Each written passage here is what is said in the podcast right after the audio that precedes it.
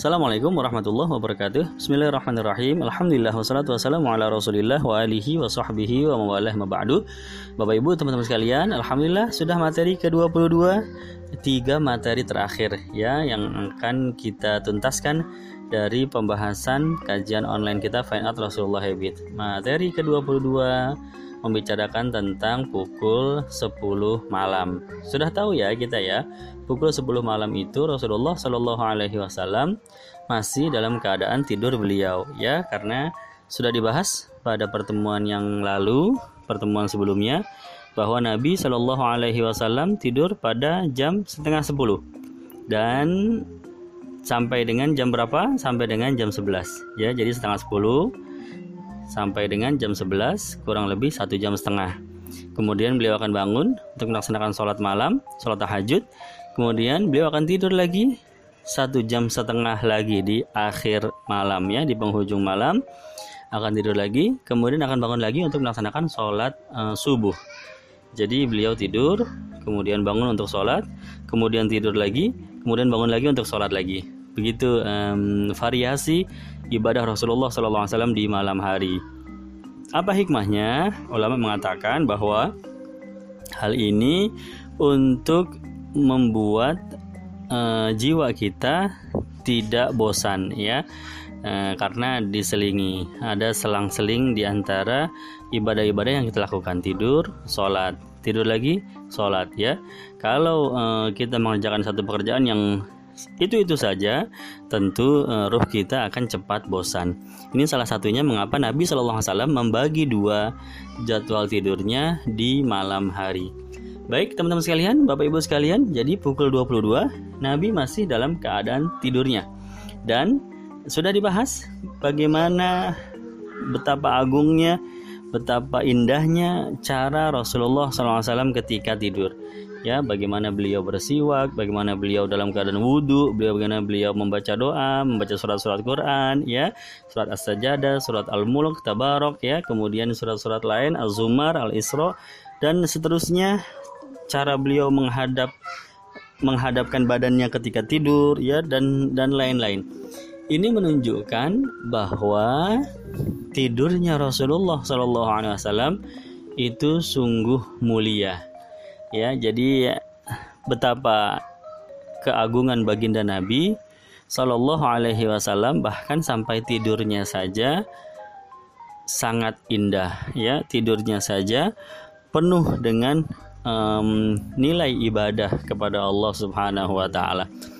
Coba bayangkan dengan orang-orang biasa. Banyak orang biasa yang tidak mau dilihat tidurnya oleh orang lain. Ya misalnya kita nih kita ada tamu teman lama nginep di rumah tentu kita nggak mau dong kita lagi kelihatan tidur ya. Uh, saya mau tidur nih tolong jangan dilihatin ya. Nanti kalau saya sedang tidur begitu pasti kita pesan. Kenapa? Karena keadaan kita tidur tentu um, tidak bagus ya. Tentu bukan sesuatu yang yang baik untuk diketahui oleh orang lain. Ya kita nggak suka orang lain mengetahui cara kita tidur. Tapi Rasulullah Shallallahu Alaihi Wasallam beliau menunjukkan bagaimana cara tidur beliau yang baik mengajarkan seperti itulah tidurnya beliau ya. Dan sampai dengan hari ini kita mengikuti daripada kebiasaan-kebiasaan beliau tersebut ya sallallahu alaihi wa alihi wasallam. Ini menunjukkan betapa agungnya, betapa mulianya baginda Nabi sallallahu alaihi wasallam sampai tidurnya saja itu mulia. Tidurnya saja itu berpahala di sisi Allah Subhanahu wa taala.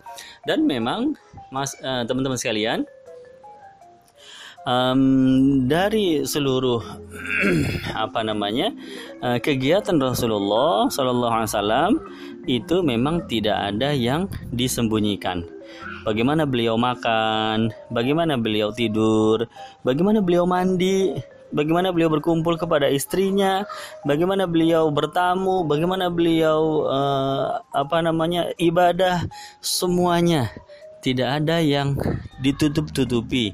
Satu aktivitas pun tidak ada yang tidak kelihatan oleh umatnya ya melalui jalur-jalur uh, para sahabat maupun para istri-istri beliau yang meriwayatkan uh, aktivitas beliau Shallallahu Alaihi Wasallam. Ya, mengapa begitu? Karena uh, Rasulullah memang Shallallahu Alaihi Wasallam memang bertugas misi beliau itu salah satunya adalah mengajarkan kita, menuntun kita dalam kehidupan sehari-hari. Sejak bangun tidur sampai mau tidur lagi, bahkan ketika kita lagi tidur, semuanya harus diajarkan oleh Nabi Shallallahu Alaihi Wasallam. Seperti apa? Makan kita seperti apa? Maka Nabi mengajarkan. Nabi di depan para sahabat memperlihatkan cara makan beliau. Ya, kemudian mandi kita seperti apa? Mandi junub yang kita apa namanya kita amalkan sekarang itu kan dari Nabi Shallallahu Alaihi Wasallam ya kemudian uh, doa kita ketika kita berkumpul dengan istri kita apa yang kita baca semuanya dari Nabi Shallallahu Alaihi Wasallam tidak ada yang ditutup-tutupi dari 24 jam tidak ada satu jam pun yang yang kita nggak tahu sedang apa Nabi Shallallahu Alaihi Wasallam ya ini uh, luar biasa. Bagaimana akhlak beliau itu um, bermanfaat sekali. Ya itu betul-betul kepakai sekali. Semua yang yang kita lakukan itu sudah ada contohnya dari Nabi Muhammad Shallallahu Alaihi Wasallam. Jadi ini hikmah berikutnya.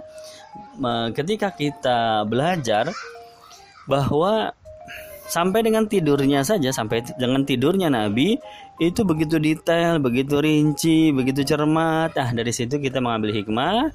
Ternyata Rasulullah SAW sudah memberikan seluruh panduan dalam aktivitas sehari-hari kita. Sudah ada contohnya. Tidak ada yang dirahasiakan sekali dari rutinitas Nabi selama 24 jam. Semuanya terbuka. Semuanya boleh kita lihat boleh kita pelajari dan tentu saja untuk kita praktekkan ya ini um, Hikmah berikutnya ketika kita mempelajari cara tidurnya baginda Nabi Shallallahu Alaihi Wasallam. Kemudian berikutnya teman-teman sekalian yang dirahmati Allah, tidurnya Nabi itu kan uh, jam ya rata-rata. Tidurnya kita orang biasa 6 jam, 7 jam ya sampai dengan 8 jam ketika Nabi Shallallahu Alaihi Wasallam mengajarkan aneka macam rukun-rukun ketika uh, uh, bagi orang yang hendak beranjak tidur, aneka macam sunnah-sunnah ketika kita ingin menuju kepada pembaringan itu untuk memberikan nilai pahala ketika kita sedang tidur. Jadi Rasulullah Shallallahu Alaihi Wasallam mengajarkan sunnah-sunnah seperti itu agar ketika kita mengerjakannya kita dapat pahala saat kita tidur ya jadi bayangkan ibadah yang paling lama dalam sehari semalam ternyata ibadah tidur dengan syarat tidur kita bernilai ibadah. Kenapa? Kita lama ibadah tidur kita bisa sampai 6 jam, bisa sampai 5 jam, ya lama berjam-jam ya kita baca Quran paling setengah jam atau satu jam. Ya kita sholat itu total satu hari satu malam paling satu jam. Ya kita apalagi ibadah yang lain-lain. Ya duduk di majelis talim paling dua jam. Ya kajian mengikuti pengajian. Ya sehari semalam tidur kita yang paling lama bisa sampai 6 jam. Sayang sekali kalau um, aktivitas kalau kegiatan yang lama ini tapi tidak ada nilainya, tidak ada nilai ibadahnya di sisi Allah Subhanahu wa taala. Maka Rasulullah Shallallahu alaihi wasallam mengajarkan begini loh caranya tidur agar nanti tidur sampean itu dapat nilai ibadah. Selama tidur malaikat senantiasa mencatat nilai ibadah mencatat kita sedang melakukan pekerjaan ibadah. Begitu ya. Jadi teman-teman bapak ibu sekalian ini praktekin deh ya. Sayang sekali umur kita habis tapi uh, tidak ada nilai ibadahnya. Inilah dia hikmahnya. Ketika Rasulullah Shallallahu Alaihi Wasallam apa itu mengajarkan sunnah-sunnah adab-adab ya dengan sangat detail bagaimana caranya seorang mukmin itu ketika mau tidur ya baik Kemudian pada pertemuan yang lalu sudah kita singgung bahwa e, sifat tidurnya Rasulullah SAW, beliau matanya terpejam, tetapi hatinya dalam keadaan sadar. Matanya merem, tapi hatinya tidak pernah lalai. Hatinya selalu ingat kepada Allah. Tanamu aini wala yanamu golbi. Ya. Sesungguhnya mataku ini memang tidur tetapi hatiku tidak pernah tidur. Dan ini salah satu sifat khusus bagi baginda Nabi Muhammad SAW yang memang Allah menciptakan uh, Rasulullah dalam keadaan seperti itu. Hatinya selalu ingat kepada Allah. Ya dan ini mudah bagi Allah. Ya bahkan Allah menciptakan malaikat itu nggak pernah tidur sepanjang umurnya. Tidak pernah makan, tidak pernah minum, tidak pernah tidur. Malaikat itu ribuan tahun usia mereka dalam keadaan seperti itu. Mudah bagi Allah Subhanahu wa taala. Jadi kita tidak tidak perlu memikirkan terlalu kritis. Ah, bagaimana bisa manusia biasa tidur yang namanya tidur ya sudah kita kan lalai. Ya kita tidur ya, pasti kita dalam keadaan lalai. Bagaimana bisa Nabi SAW tidur tapi hati beliau tidak lalai? Hati beliau dalam keadaan ingat kepada Allah. Nah ini dari kekuasaan Allah Subhanahu wa Ta'ala. Apa hikmahnya? Mengapa Allah menciptakan seperti ini? Para nabi dan para rasul ya. Para nabi dan para rasul itu mereka tidur tapi tidak dalam keadaan lalai. Mengapa begitu? Karena ada kalanya wahyu Allah turunkan kepada para nabi dan para rasul dalam keadaan tidur mereka di dalam mimpi mereka ya jadi para nabi dan para rasul itu menerima wahyu boleh jadi ada kalanya ya terkadang itu dalam tidur. Ya, contohnya siapa? Contohnya Nabi Allah Ibrahim. Nabi Allah, Nabi Allah Ibrahim menerima wahyu dari Allah untuk menyembelih putranya. Nabi Allah Ismail. Kapan menerima wahyunya? Di dalam tidur. Oleh karena itu, ketika para nabi dan para rasul kalau mereka tidur dalam keadaan lalai seperti tidurnya kita manusia biasa ya, maka batal wahyu tersebut ya. Ya akan diragukan. Ya betul apa enggak wahyu itu ya? Maka uh, tidurnya para ambia itu dalam keadaan uh, hati mereka tetap sadar ya. Nabi Allah dalam Quran Allah menyebutkan qad saddaqtar ru'ya inna kadzalika najzil muhsinin ya. Qad saddaqtar ru'ya sungguh telah benar mimpimu wahai Ibrahim. Ya mimpi Nabi Allah Ibrahim pada waktu itu adalah wahyu dari Allah Subhanahu wa taala. Begitu ya. Sayyidina Abdullah bin Abbas mengatakan ru'yal anbiya wahyu. Mimpinya para nabi itu adalah wahyu dari Allah Subhanahu wa taala. Demikian pula apa yang terjadi pada baginda Nabi Muhammad Shallallahu alaihi wasallam.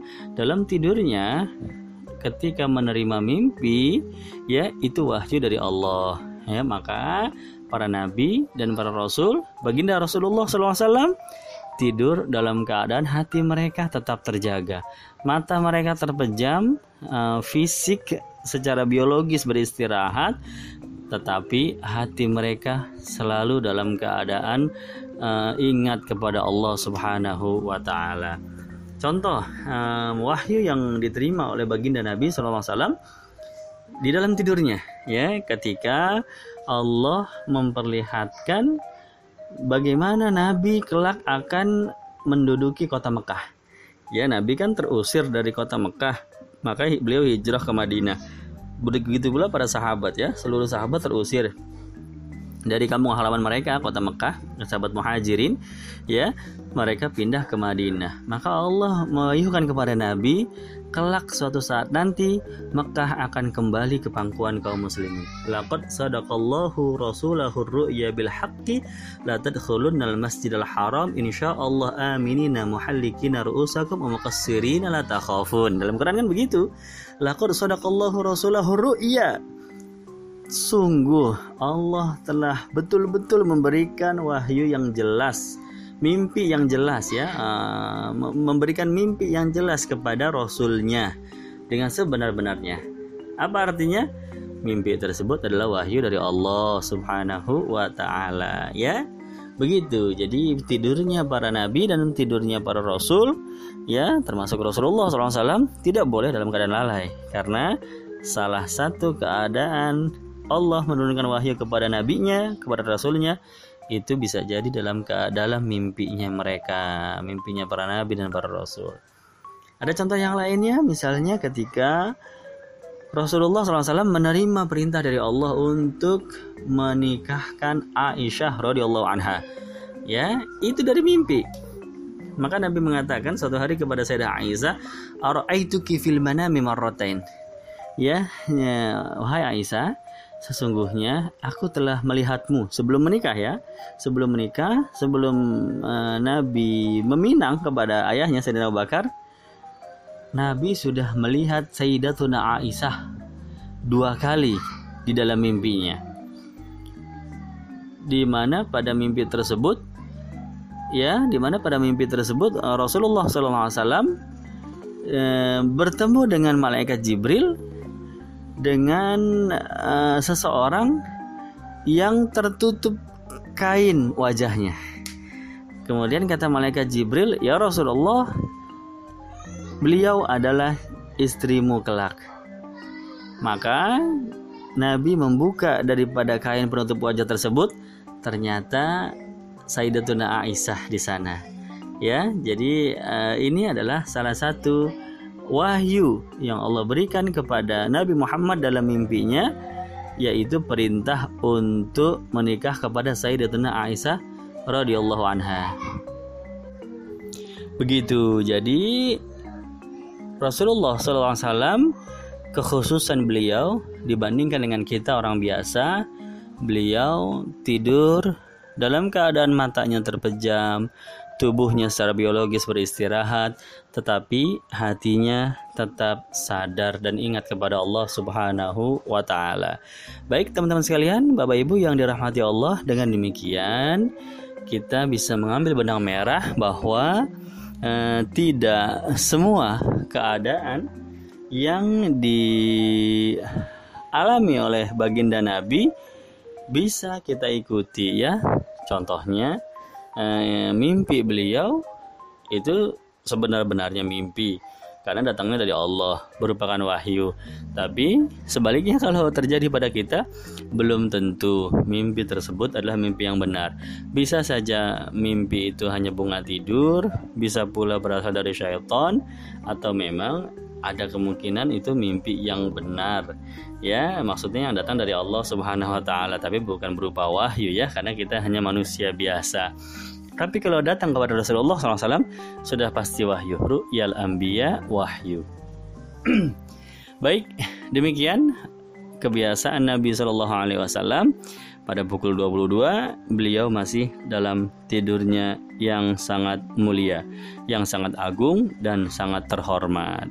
Mudah-mudahan bermanfaat kajian kita pada kesempatan kali ini. Bila hidayah. Wassalamualaikum warahmatullahi wabarakatuh.